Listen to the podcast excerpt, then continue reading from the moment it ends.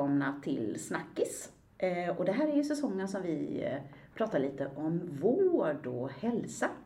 Eh, och idag så är jag nere på Halmstad sjukhus och ska träffa Christian och Marcus här nere. Och det är ju en härlig fredag som vi sitter här, men ska prata om ett ämne liksom som berör väldigt många. Så jag tror att det kommer bli en ganska, väldigt intressant podd där vi kommer att röra oss om många olika, eh, vad ska man säga, många, ett brett spektra tänker jag att vi ska prata om. Christian, du ska få börja och presentera dig. Vem är, vem är du och vad gör du för någonting? Tack så mycket. Eh, Christian Lidén heter jag och eh, har eh, förmånen att få sitta som ordförande för driftnämnden för Hallands sjukhus. Så det är den politiska nämnden som styr över Hallands sjukhus. Som verksamhet. Det anbelangar ju den specialistsjukvården eh, inom Region Halland. Eh, och eh, vi har ju tre utbudspunkter i Halland, Halmstad, Varberg och Kungsbacka, där vi bedriver verksamhet. Så jag har varit politiker rätt många år, sedan ungdomsförbundets tid och har varit verksam både i kommunen och i, men de senaste åren i Region Halland. Då ju. Så, och tycker att det är väldigt givande att få, att få jobba inom detta eh, området. Mm. Jag tänker också att det är väldigt det är ett väldigt stort område. Eller sådär. Och jag vet ju också att du har ju din profession egentligen ifrån vården också.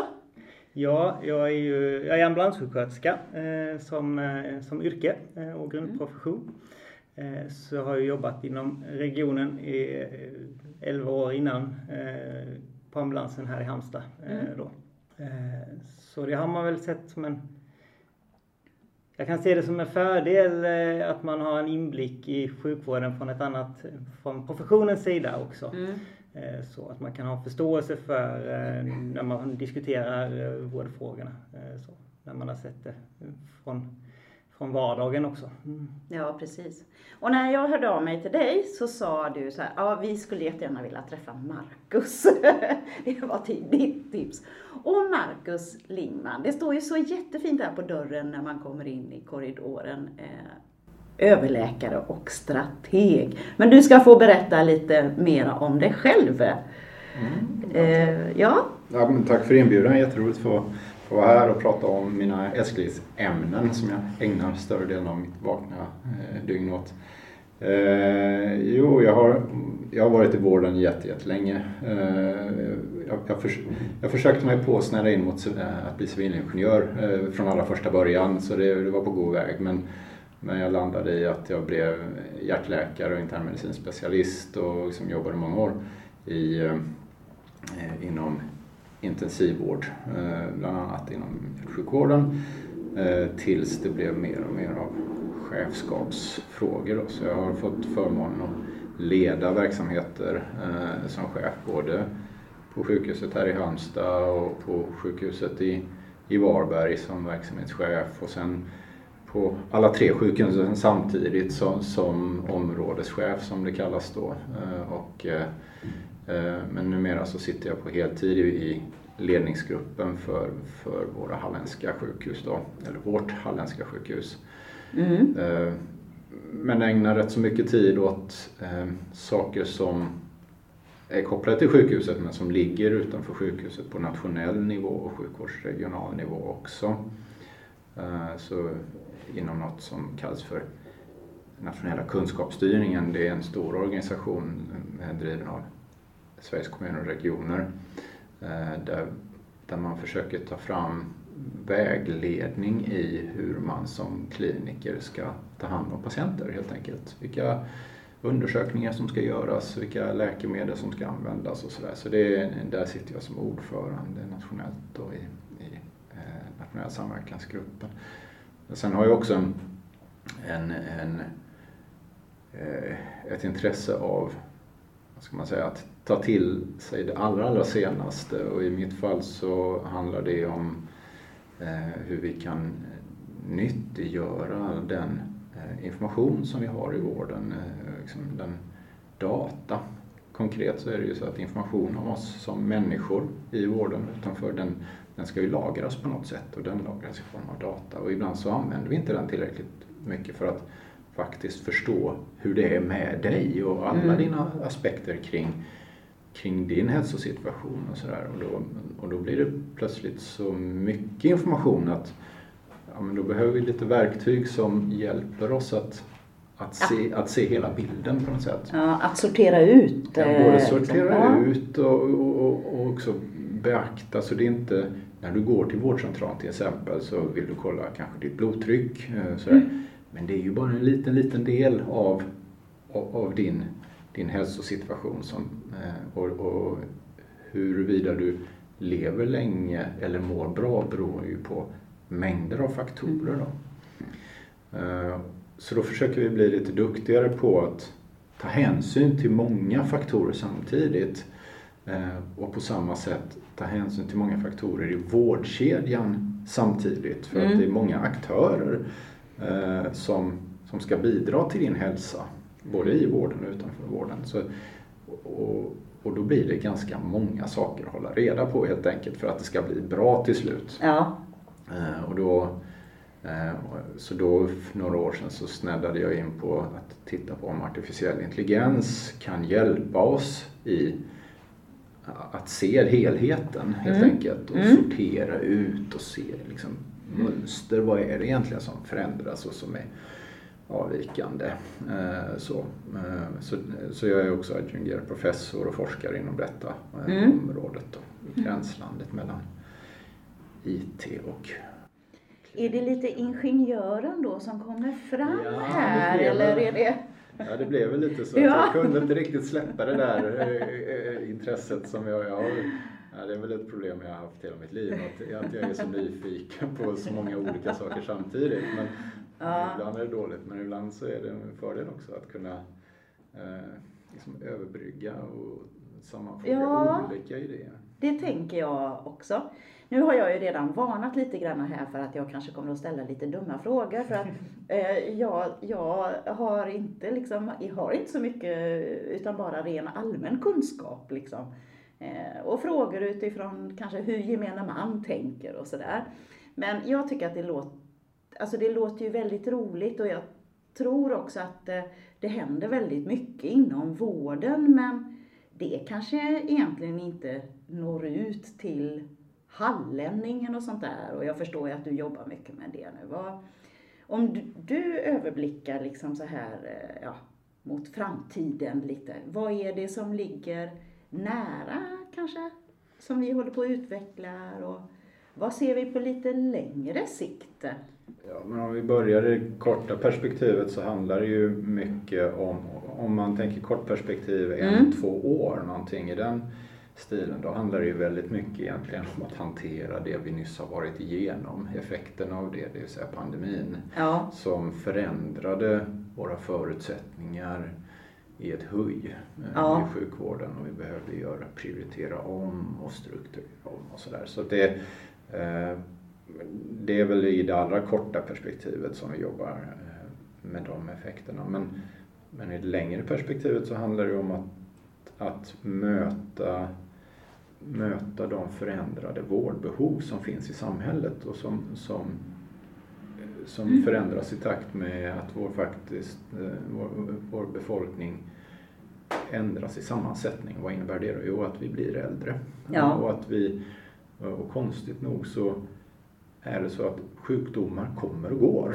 Eh, hur, hur är det möjligt? Ja. men, men, men om man tittar på hjärt-kärlsjukdomar till exempel så förändras det ganska snabbt hur många som drabbas av hjärt-kärlsjukdom i samhället. Mm. Glädjande nog faktiskt, för ja. det blir bättre. Samtidigt så har vi också glädjande nog en, en förändring där, där människor till exempel som drabbas av cancer, mm. de lever längre med sin cancer för det finns fina läkemedel och så som, som hjälper oss att, eh, inte alltid bota men, men väldigt ofta förlänga, förlänga. livet på, mm. de, eh, på de som, som drabbas. Och då måste vi ju stödja dem längs den resan. Och, och allt detta liksom påverkar den, de behov som, som vården då ska kunna möta. Eh, så i det längre perspektivet så handlar det väldigt mycket om att anpassa vården till de förändrade behoven av vård som vi ser i samhället. Mm. Eh, och, och en sak som är väldigt tydlig är att de upplevda behoven av vård ökar. Alltså på totalen så att det är Dels på grund av att vi helt enkelt blir fler i Halland, det är ju en tillväxtregion ja, och det är ja. ju fantastiskt. Eh, och, ehm, och är man äldre så behöver man också ofta lite mer vård än, mm. än, vad, än vad man gör som yngre. Eh, så, de, så att det totala liksom behovet av vård ökar. Eh, och det gör den nog lite snabbare än, än vad vi har kanske Tagit höjd för, tänker du? Ja, eller nej, inte tagit höjd för. Men om vi bara skulle bygga på sjukhusstorlekarna och, ja. och antalet medarbetare i takt med det så kommer det bli svårt på grund av att eh, ja, det finns liksom inte medarbetare att hitta med rätt kompetenser Nej. i samma ökningstakt som behoven ökar och förändras. Då. Mm. Och då handlar det om att använda det vi har, även om det vi har ökar, använda, använda det smartare så att vi faktiskt eh, ägnar oss ännu mer åt det som faktiskt kommer att göra nytta. Och det låter ju jätteabstrakt och byråkratiskt och sådär kanske men, men konkret så handlar det om att förr i tiden till exempel så hade vi ofta, här känner, tror jag många känner igen sig, årsbesök. Att jag, man kanske mm. har diabetes, nu ska jag gå på min diabeteskontroll eh, då. Och det gör jag varje år och det har jag gjort länge. Men om man om man funderar riktigt noga på det så kan man tänka sig att det är ju rätt så få sjukdomar som går i 365 dagars cykler. Mm. Att det, det finns ju ingen, eh, inget virus, ingen annan sjukdom heller för den delen som, som liksom bryr sig så mycket om när det har gått 365 dagar just. Nej, precis. Mm. En, en del behöver väldigt tät kontakt och sådär och en del klarar sig alldeles utmärkt utan att kanske ha någon annan kontakt än att de hör av sig när de mm. behöver. Så där finns hela spektrat. Och då så vi kommer och, och det vi jobbar för mycket det är att eh, bli duktigare på att rikta våra eh, mm. insatser, vår arbetstid, våra liksom läkarnas arbetstimmar och så dit till dem som har bevislig nytta av att, att få det. Och, mm. och då kan man ju titta konstigt, har ni inte alltid gjort det då? Eh, så, eh, och svaret är väl att det har vi alltid försökt göra. Ja. Men de verktyg som vi har idag möjliggör en helt annan liksom, precision, en helt annan, ett helt annat inriktande till det som gör nytta än vad vi kunde förr. Så vi håller på lite, förr i tiden så behandlar man ofta patienter som en del av en grupp. Alltså jag, har, jag har diabetes så jag är, jag är del av gruppen mm. diabetiker mm. som ska ha den här typen av behandling till det vi är på väg emot. Och här, ja, men just du och just din diabetes och just liksom dina förutsättningar och dina övriga faktorer, ditt sätt att leva och, och dina gener och så. Du behöver det här är det bästa för just dig. Ja. Eh, så, så att det, det blir lite mer specifikt. Liksom. Mycket mer specifikt ja. och individualiserat. Och det, det, roliga i den här krocksången det är ju att det tjänar alla på. Mm. För att individen får en mer skräddarsytt omhändertagande och de andra som inte behöver det omhändertagandet, de slipper få det. Ja. Så det, liksom, det blir både bättre för våra liksom, skattebetalarnas resurskaka ja, och ja. för den, den individen som vi ska stödja. Mm. Eh, och det, eh, så, så, det är väldigt motiverande och spännande att, jobba med den typen av, av liksom. mm. Men du, ja, jag tänker det. Ja, det kan man väl säga just också i pandemins eh, har ju varit extremt betungande för sjukvården att kunna hantera och eh, hela den som har varit nu de här två åren. Men den har ju faktiskt också bidragit till att den här utvecklingen, precis som du beskriver, har ju gått snabbare också. Den har ju fått sig en rejäl skjuts. faktiskt att man kunnat genomföra, var tvungen att genomföra förändringar eh, som hade tagit fler år att genomföra utan en pandemi och med den nödvändiga motivatorn som har varit där faktiskt när vi inte kunde träffas och inte kunde eh, genomföra de fysiska besök som eh, har gjort annars kanske mer som standard. Eh, så, då har man ju också hittat nya lösningar på hur man gör besök på distans och hur man gör egen monitorering för patienterna mm. och kunna utveckla att, att patienten kan ta eget ansvar och bli en resurs för sin egen sjukdom. Mm. Eh, och det är också en styrka kan jag se att man känner att, att man kan att man, att, man, att man känner att man äger sin sjukdom på det sättet att man liksom känner att man har kunskapen och kan, mm. kan ansvara för och påtala för vården när man behöver kontakt och när man känner att man mår väl och klarar sig själv eller så. Ja, för det var lite det jag funderade på också. Mm. Alltså hur, hur tas det här emot eh, hos liksom, eh, Eh, vårdtagaren eller sådär. Tycker man att nej men jag vill ju ha det så som det alltid har varit, just det här. Medan andra kanske är supernöjda med att nej men jag, jag vill inte hålla på och springa till, till liksom, sjukhuset i onödan utan jag tycker jag är jättenöjd med att få liksom en digital kontakt där vi kan stämma av och sådär. För jag tänker att det kan vara svårt att, är det svårt att göra hela, hela den här liksom skaran nöjd? Det stora... Omöjligt. ja. ja, men det stora kruxet i det är väl just som Marcus nämnde ju ja. att man är individanpassade. Ja. Eh, och att man utformar vården utifrån individen och inte utifrån gruppen. Mm. Och då kan du ju också göra eh, enklare försöka se till att varje individ får det som den behöver. Mm. För har du inte återkommande besök på alla hela tiden mm. så skapar du ju Dels skapar du tid till de som behöver tätare besök, att de kan få det. Eh, men de som känner att, man är, att allt fungerar i livet och det rullar på, att du kan ha besök på ett och ett halvt eller två år istället. Mm. Så skapar det också utrymme i vården till att liksom kunna, kunna möjliggöra fler resurser till de som behöver det också. Mm. Ja, precis. Det viktiga där är ju att patienterna känner sig trygga. Mm. Ja, om vi nu pratar om Hallands sjukhus då, alltså hur, eh, hur stort är det egentligen? Eh, hur många medarbetare har vi som arbetar på dem? Vi har ju eh, vi har tre utbudspunkter som jag nämnde ja. Och vi har 3800 medarbetare mm. som jobbar inom Hallands sjukhus verksamhet. Mm. Sen är ju, är ju vi en del i Region Halland. Ja. Så, så vi, vi har ju täta samverkan både med, med närsjukvården som bedriver vårdcentraler och Eh, mm. Med ambulansverksamhet och med, inte minst med våra, med våra kommuner eh, i Halland ju, som ja. också eh, faktiskt är en stor vårdgivare. Eh, det är många som inte tänker på kanske men eh, i hemsjukvård och på äldreboenden och sånt bedrivs mm. också mycket sjukvård i, ja. i dagens läge.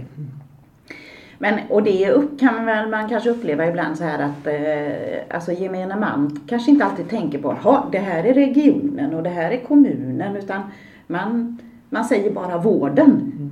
egentligen. Mm. Ja. Det ska, jag tänker att man inte ska behöva tänka annorlunda som invånare för då måste man ju ha nästan en navigeringslots ja, precis. Äh, ja. Det, det, för mig är det vårdens uppdrag att se till att man lyckas vara en enhetlig vård ja. för individen. Mm. Uh, det är svårt men, men vi pratade om vårdens mm. utveckling tidigare och, mm. och ja, det är en av utvecklingarna vi ser det att den vården är på väg att bli men också behöver bli mer sammanhållen.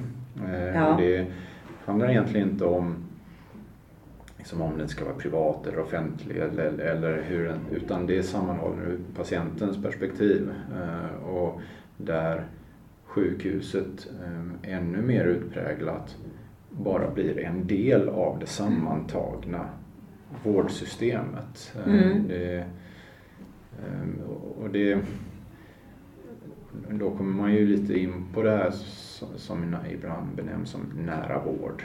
Ja. Och, så, och det många kanske inte tänker på är att sjukhuset är också en del, eller kan vara en del av den nära vården.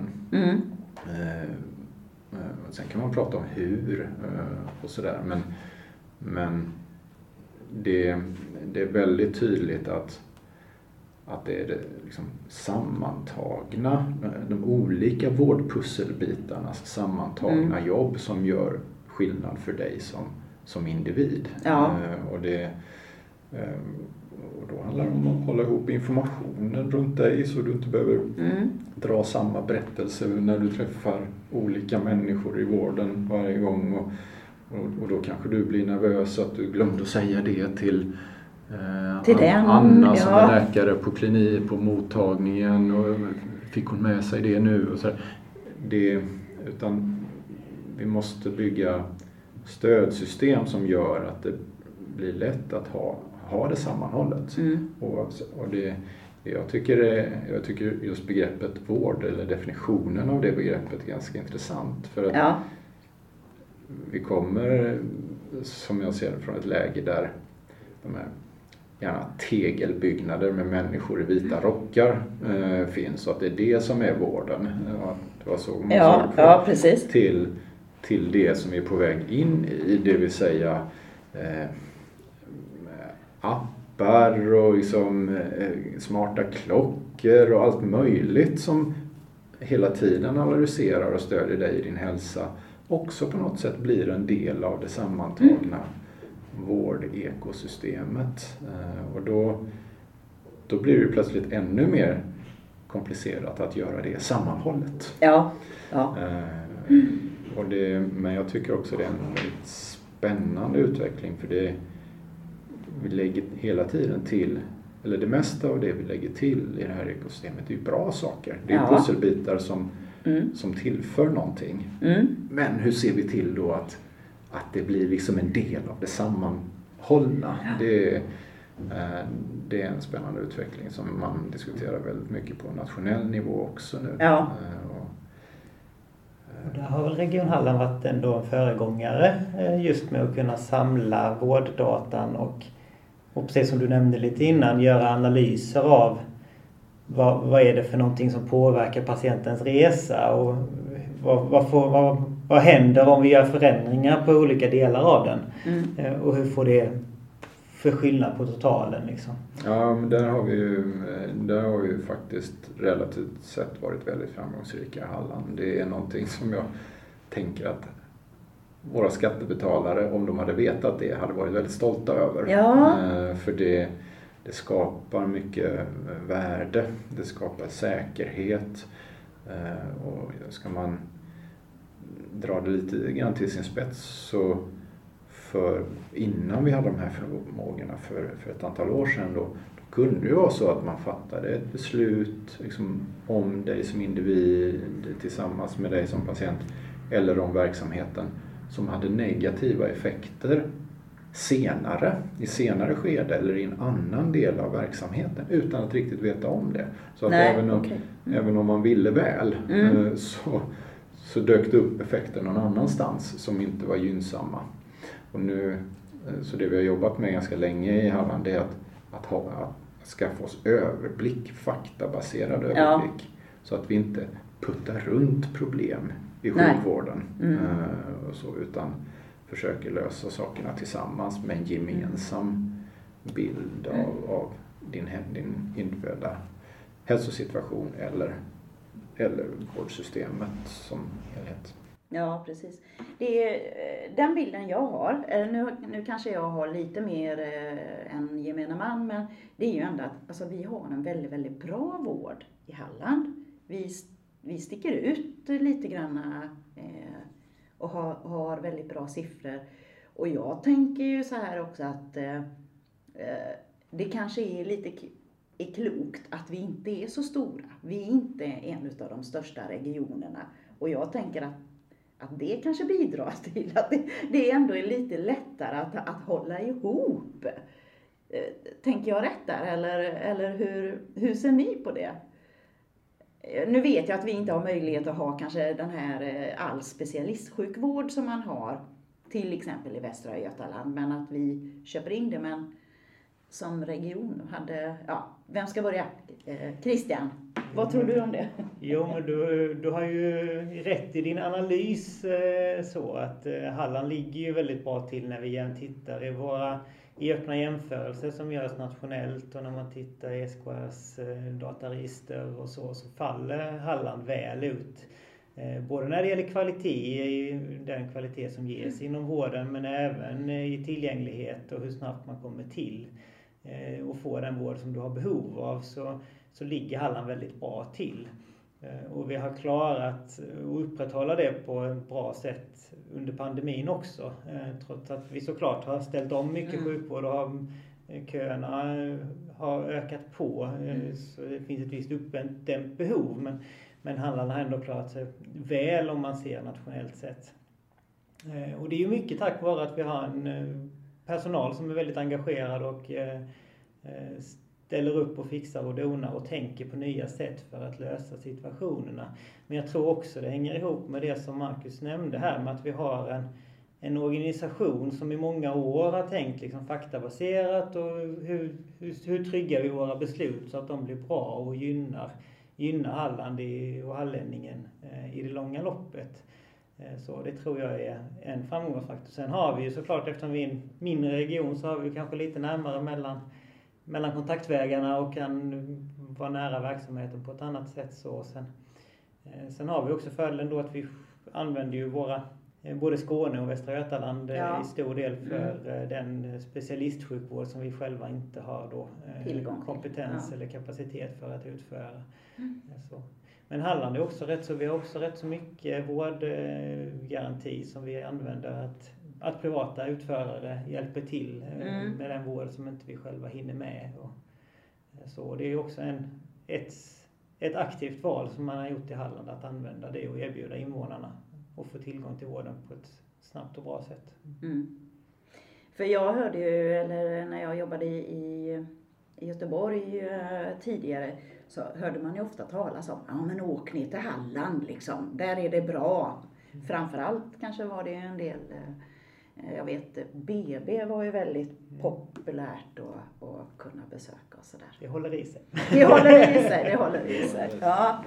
Alla, alla sjukvårdsstorlekar har ju sina för och nackdelar men jag ja. tycker ändå att vi har varit duktiga på att utnyttja de fördelar som följer av den storlek som vi har. Ja.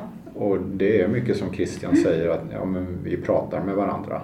Och med, vi har, alltså sjukvården är ganska hierarkisk men det, är, det behöver den egentligen bara vara på pappret av ansvarsskäl. Men det, ja. det ska inte behöva begränsa att man för dialog över gränser och, och liksom mellan hierarkiska nivåer och sådär. Så det, och där tycker jag faktiskt vi har varit ganska duktiga att, att eh, utnyttja närheten till varandra mm. på det rent mänskliga planet. Mm. Men också det som Christian tog upp tidigare, vi är väldigt duktiga på att faktabasera det, eh, det vi håller på med.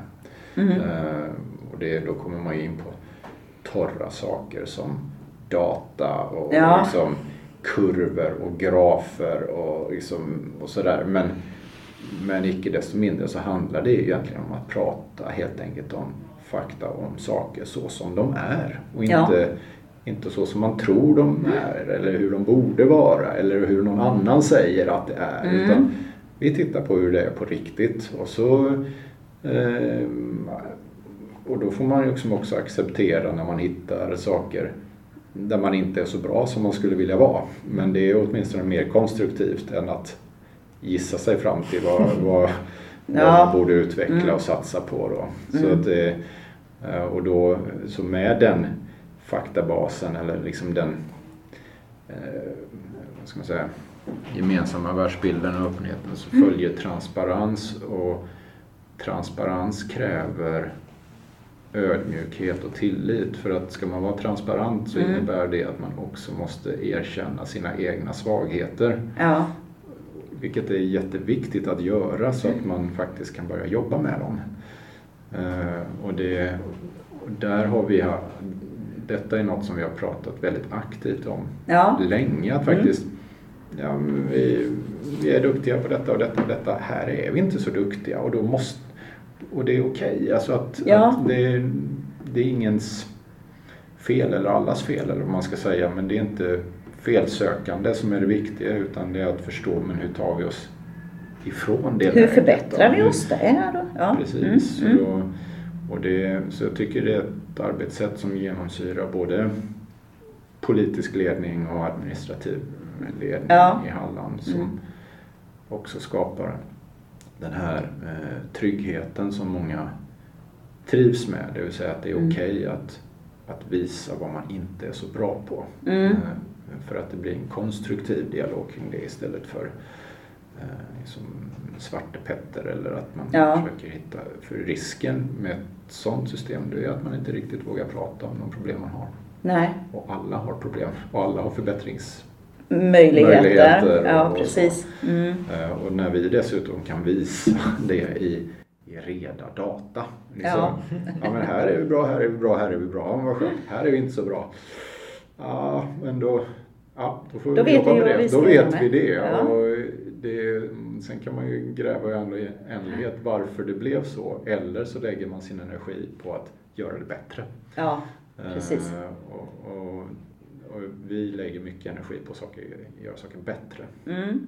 Mm. Eh, Och det tror jag är liksom en kulturell framgångsfaktor som vi har haft Mm. i Halland. eh, under en tid. Vi var inte så jättebra, eller vi var i alla fall inte så bra som vi skulle vilja vara inom hjärtsjukvården för ett antal år sedan. Då, och då fattades det ett politiskt beslut kan man väl säga, men beslutet innebar i prin- princip inte så mycket annat än att man från politiskt håll sa åt verksamheten, bli bättre. Ja, Så- ja. och, så, och så har vi fått lite tid på oss att, att jobba med den frågan. Och, Ja. och liksom faktabaserat Mm. och systematiskt. Och nu ligger vi en bra bit över rikssnittet eh, i hjärtvårdsresultat. Då. Mm. Eh, Så det, det tycker jag är ett fint exempel på hur man faktiskt kan jobba transparent, ärligt, faktabaserat, systematiskt Mm. i Holland. Och det, det kräver ju ibland lite is i magen. Att man, man får inte resultaten nästa kvartalsrapport. Liksom. Men, Nej, men, eh, men man når må, sina mål. ja. Men det tar lite tid då. Ja. Vet du nämligen Marcus att det är ju inte så att vär- omvärlden står stilla heller utan omvärlden blir ju också bättre hela tiden. Så, Ja. så ska man liksom förbättra sig Mm. och komma alltså, ifatt så behöver man ju gasa ytterligare lite mer för att Mm. Förbättra områdena. Mm. Men du, det som har varit lite, om man säger eh, heta ämnen här, det, sys- det sista vad som gäller vården, det har väl varit eh, Eh, dels, eh, dels det här med personalen, kanske både att man har haft eh, eh att det är lite brist eh, bland sjuksköterskor och, och att det är svårt att hitta bemanning och det blir hårt tryck på de som är, på de som är, är kvar. Hur, hur ser det ut nu och, och vad, hur kan man på sikt arbeta för, och, för att förbättra den, den delen? Mm. Har, ni några, har du någon, något facit här Christian på hur, Hade vi ska göra? Hade vi haft en universallösning på det så kunde Ja. jag nog slutat jobba och sålt den till hela Sverige och världen. Eh, Det är ju kompetensförsörjningen är den stora, största frågan som är överhängande de närmaste tio åren om hur det ska lösas inom, inom hälso och sjukvård. Eh, Mm. Det är en, eh, en stor utmaning och det är precis som Marcus nämnde att vi kommer inte bli fler som jobbar inom vården. Mm. När man lyssnar på Universitetskanslersämbetet och SKRs analyser och så, så ser vi att det kommer inte vara fler eh, inom vårdyrkena eh, inom överskådlig tid eftersom vi då samtidigt har en, en demografi där att vi blir fler och fler eh, invånare och så också. Så därför om man ser hur många som jobbar inom vården procentuellt så blir vi inte fler. Eh, och därför måste vi ju använda de medarbetarna vi har Mm. på, eh, på det bästa möjliga sättet och att, att alla på det viset får jobba på toppen av sin kompetensnivå.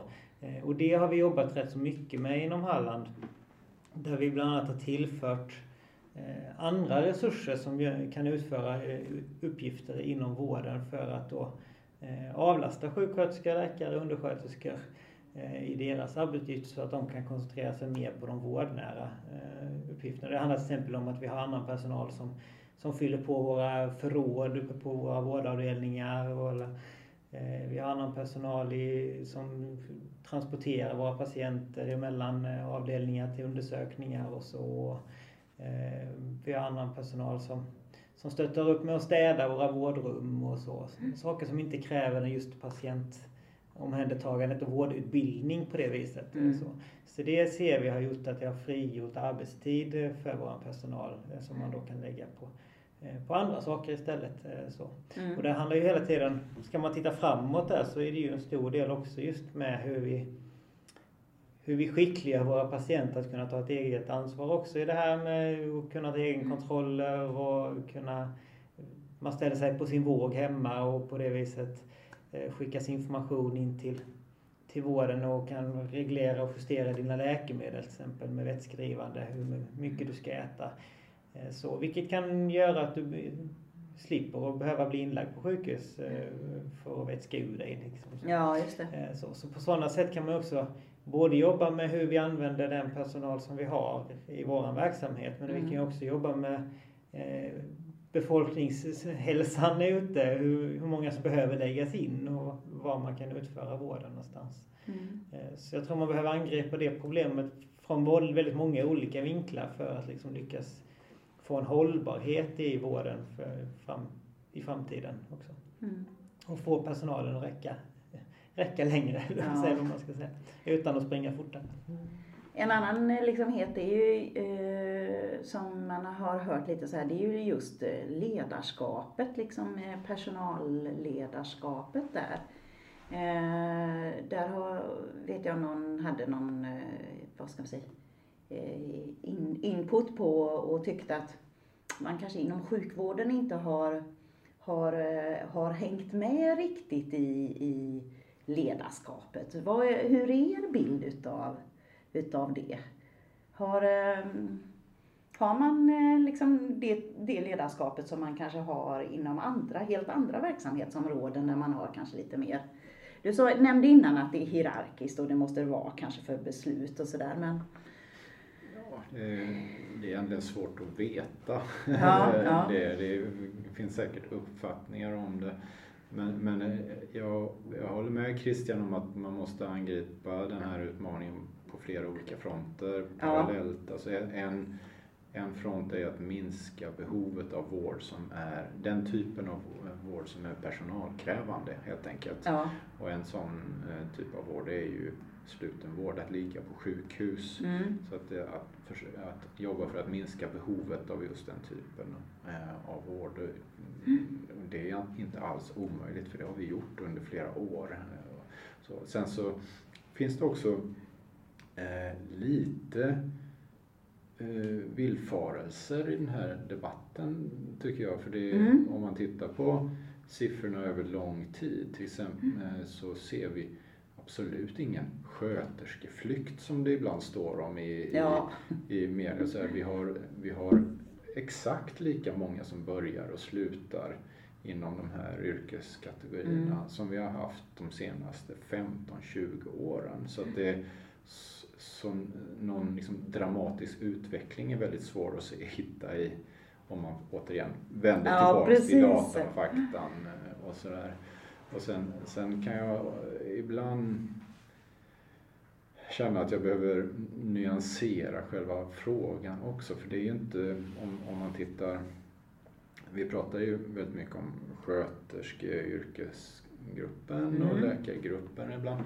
Eh, och, sådär, och det är inte, eh, och så blir det lite eh, svepande påståenden. Ja. Vi har brist på läkare eller vi har brist på sköterskor. Men, men om man grottar ner sig lite i de här frågorna så ser man att ja, men vi har nog inte brist på läkare i allmänhet, men vi har brist på läkare inom vissa nischer ja. som, blir, som skapar väldigt stora problem. Då.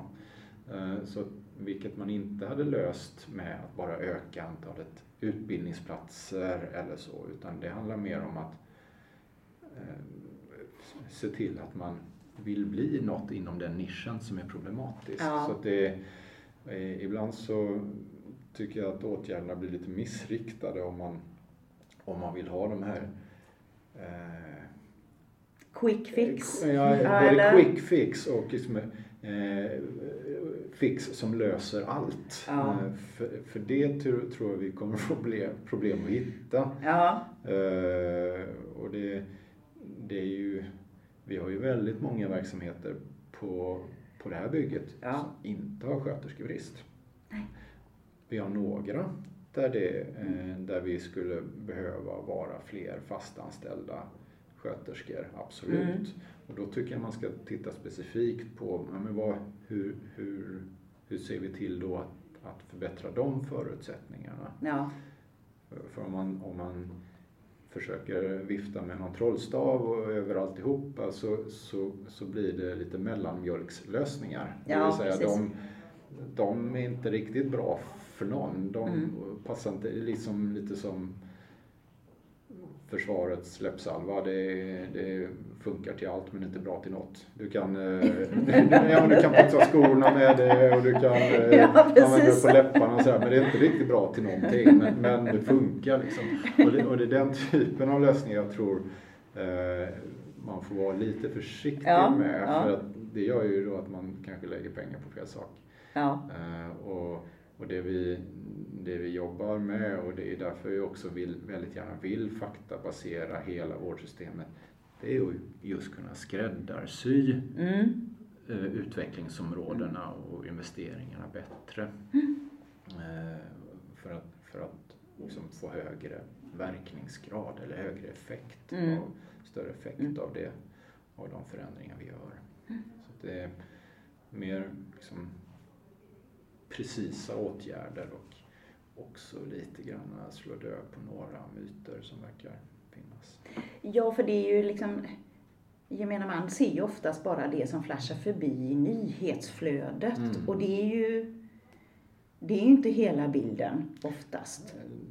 Nej, det är Eller verk- nästan aldrig det kanske, men- knappt, Det är knappt en del av en bild, eh, Nej. tyvärr. Nej. Eh, Och man får liksom hur, man får ansaka sig själv lite också. Hur, hur, när jag bläddrar igenom en tidning, hur ofta läser jag förbi rubriken? Ja. Mm. Eh, Okej, jag läste kanske ingressen, men eh, hur ofta läser jag hela artikeln?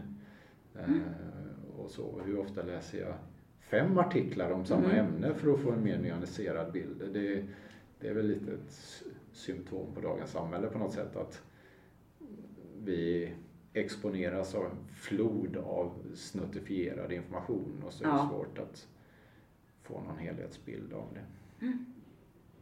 Det är en annan sak där som, har, som också har varit så här mycket i media som, som jag tänker att man kanske är nyfiken på. Det är ju just det här, det var väl det här med vårdplatser då, att vi har få vårdplatser. Men, eh, men eh, hur, hur tycker ni? Har vi, har vi det eller, eller har vi fullgott med vårdplatser tycker? Var den svår? Vem ska ta det?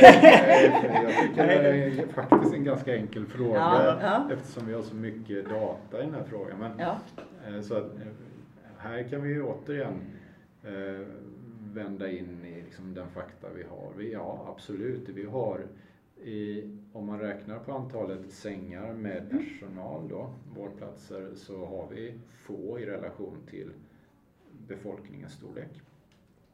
Men om vi tittar på hur de används Mm. så har vi relativt sett många. Och det låter ju jättekonstigt men, men om vi tittar på hur många patienter som ligger i alla våra vårdsängar mm. eh, och jämför det med alla andra sjukhus i Sverige så har vi ganska låga så kallade beläggningsnivåer.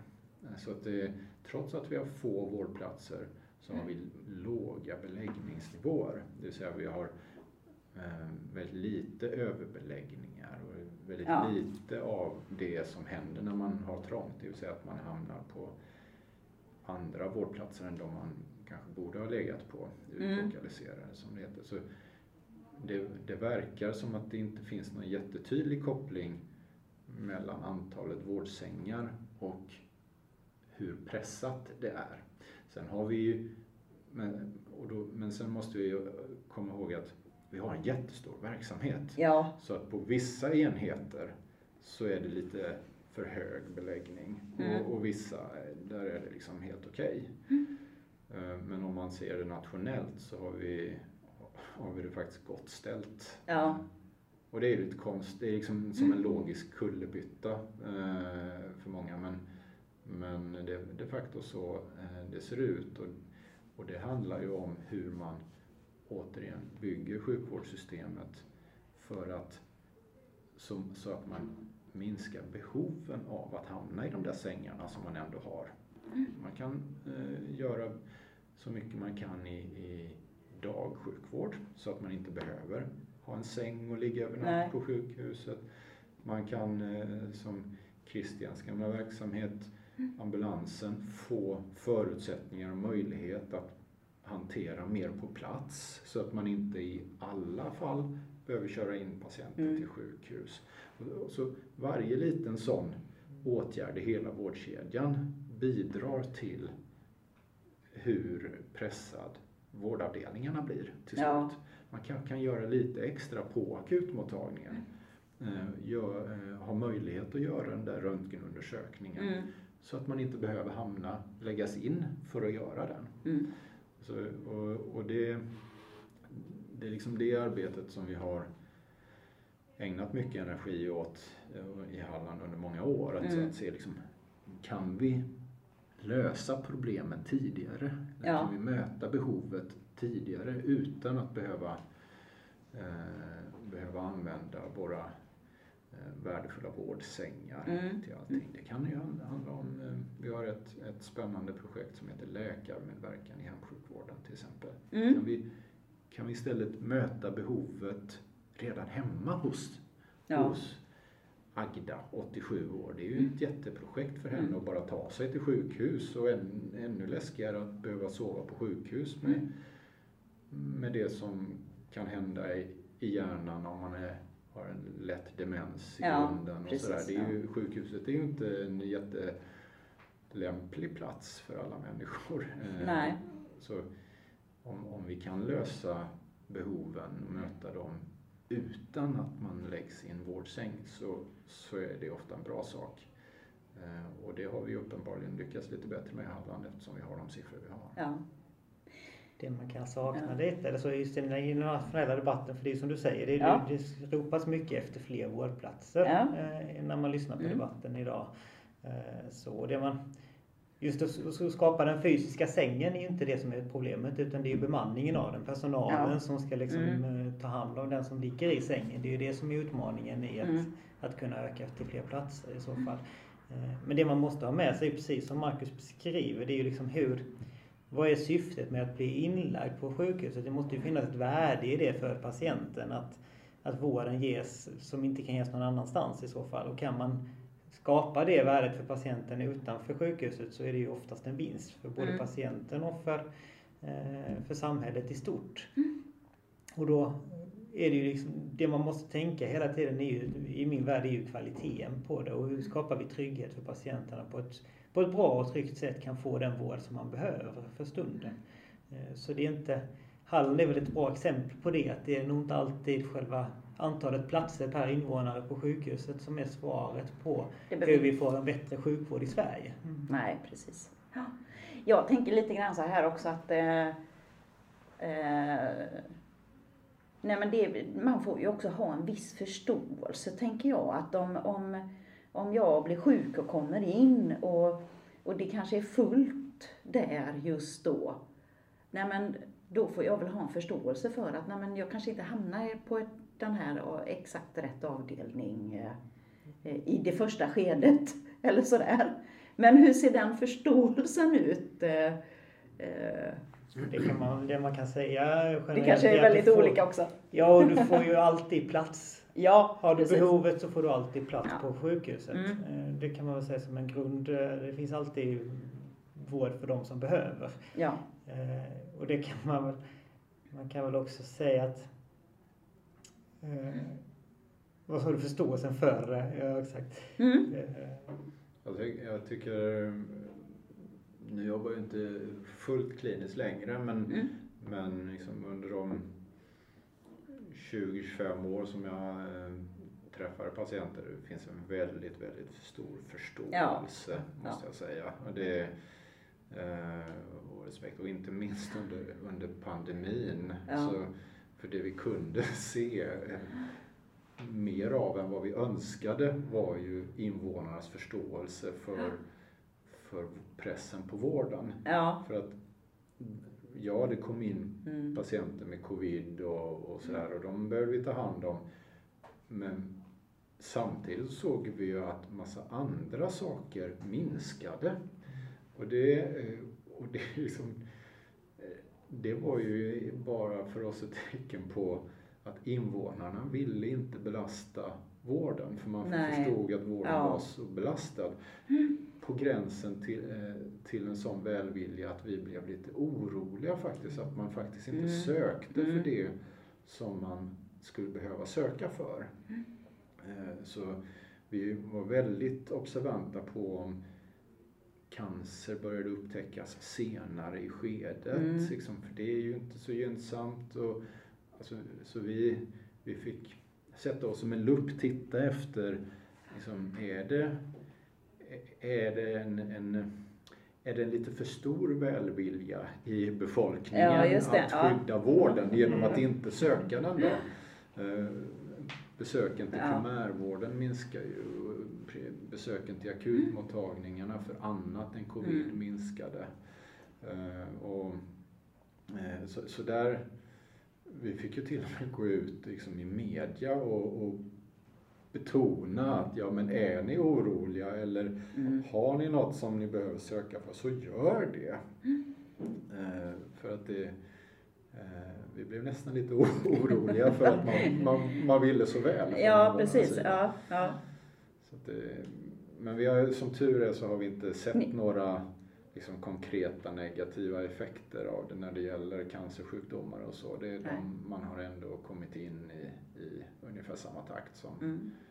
Som vi brukar ha. Så det, det är tur. Och sen så om man tänker tillgänglighet, för det var ju också det var ju rätt så många som avbokade sina besök Ja. till exempel. Ja. Och, och då satt vi ju med läkare och sjuksköterskor som var beredda liksom och hade en mottagningstid och så kom det ingen. Eh, Nej. Och, och då, så då blev det ett problem. Att, ja, men hur ska vi då hitta någon annan Ja. eh, med kort varsel som kan tänka sig att komma?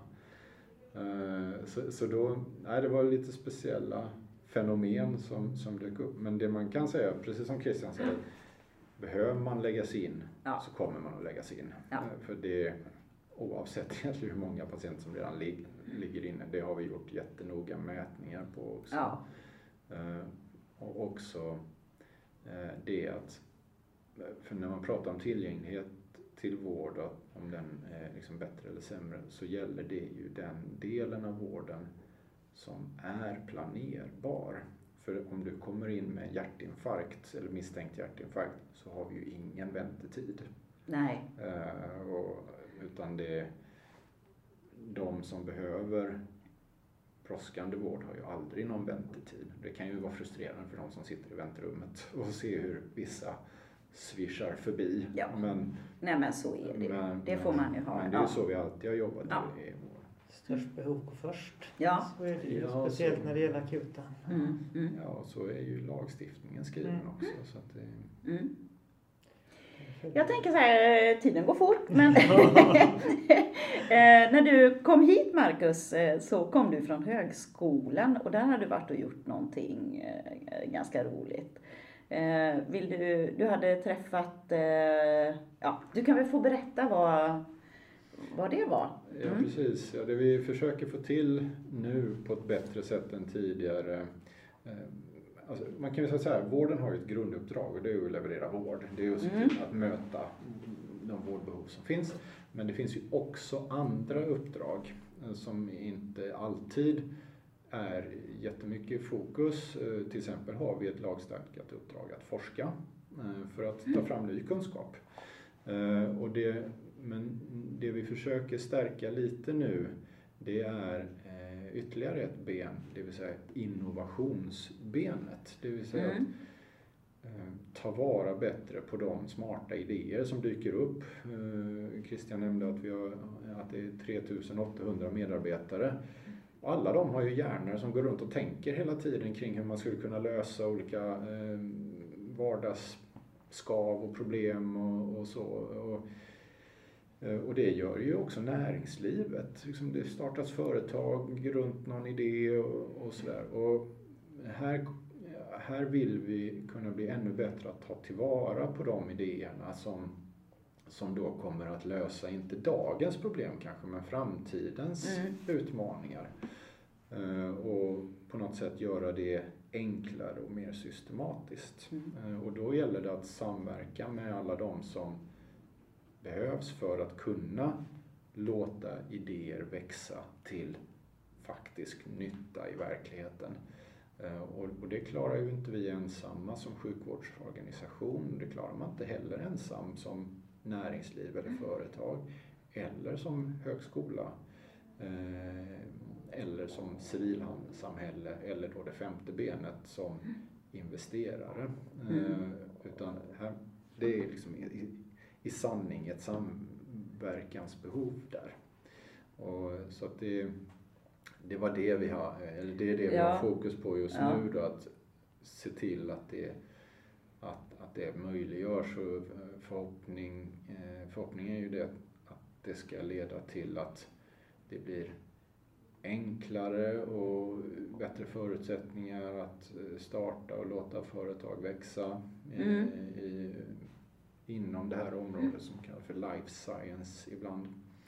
Eh, det är en, en samhällssektor som växer enormt snabbt eh, ja. och där Halland och Sverige verkligen kan och behöver spela en roll och det är ju mm. liksom för tillväxt, av tillväxt, rena tillväxtskäl. Men också att vården behöver framtidsverktyg. Ja. Eh, ja. Och inte bara verktyg, tekniska sådana, utan mm arbetssätt och så som, som möjliggör att vi kan hantera de, de utmaningar som vi har pratat om tidigare. Ja, precis. Ja. Eh, så att det, och också göra det lite mer inspirerande för medarbetare att våga tänka nytt. Ja, precis. Säga, ja. ja, men det är tillåtet eller till och med önskat att jag ja. tänker nytt. Ja. Och att är idén tillräckligt smart så kanske jag till och med kan få stöd i att förverkliga den. Ja. Uh, och då, så det, ja, det är ett roligt arbete som vi försöker få fart på. Ja, det tycker jag låter jättespännande. Christian, har vi någonting annat som vi har glömt att, att eh, nämna här innan, innan, innan vi avslutar eh, samtalet? Det man, det man kan säga är väl att jag måste säga att jag känner en väldigt stolthet för den organisation som vi har eh, på, på Hallands sjukhus. Eh, om vi bara tittar lite bakåt så har vi en pandemi där vi mm.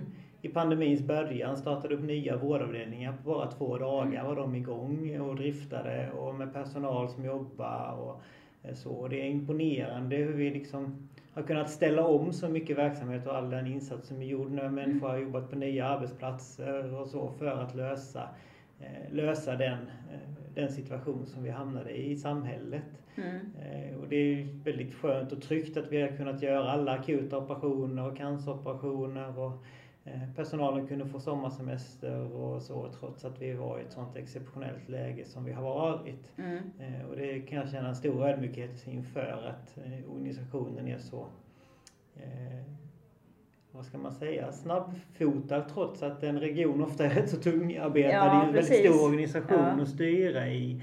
Eh, så, men att man ändå lyckas lösa uppdraget med patientens eh, mm. fokus på det sättet är imponerande. Eh, och att vi faktiskt också, jag måste säga att jag tycker att vi har väldigt bra grund med att ha patientens bästa för ögonen och med fakta kunna ta beslut Eh, hur vi utvecklar det på bästa sätt och kunna då bibehålla den kvalitet och tillgänglighet som vi har i Halland. Eh, så precis också som Marcus mm. nämnde här, och faktiskt titta framåt och vara med mm. i den utveckling som sker eh, och vara en bidragande faktor i det, det tycker jag är imponerande. Mm. Mm.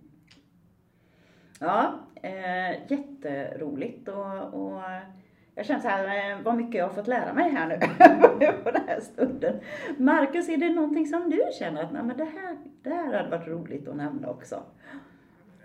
Det finns ju, jag kan prata om detta i all oändlighet eftersom jag tycker det är så spännande men, och i olika delar men, men jag måste ju nog erkänna att vi eh, längtar lite tillbaks till vardagen. Det har varit ett, ja. två ganska speciella år där, vi, där vissa saker har fått stå tillbaks eh, som vi hade velat jobba med när det gäller utveckling och förändring och förbättring och sådär. Så det, det ser vi nog fram emot. Sen, men sen är det ju på ett sätt fantastiskt att ha varit igenom så här i efterhand ja. Eh, det vi har varit igenom. Och en del klagar ju på att vården är svårföränderlig och det tar tid. Men jag kan säga när pandemin kom, det är få företag som hade mäktat med en så blixtsnabb ja. omställning av hundratals medarbetare och, och, verksamhet som, som vården lyckades med då. Mm. Så det, vården är verkligen behovsanpassande ja. och, och, när den behöver vara blixtsnabb så kan den vara det. Och, mm. och, men, men den behöver också få det liksom lite mer systematiska, långsiktiga utvecklingsarbetet eh, ibland. Och det det vill vi nog liksom ha lite mer av just nu. Ja, det förstår jag. Ja. Men eh, Marcus Lindman, tusen tack för att vi fick eh, komma hit och besöka. Och Christian, bra, bra tips här med, med Marcus. Ja. Eh, men då säger jag tack så mycket. Och kul att träffa er. Tack, tack så mycket.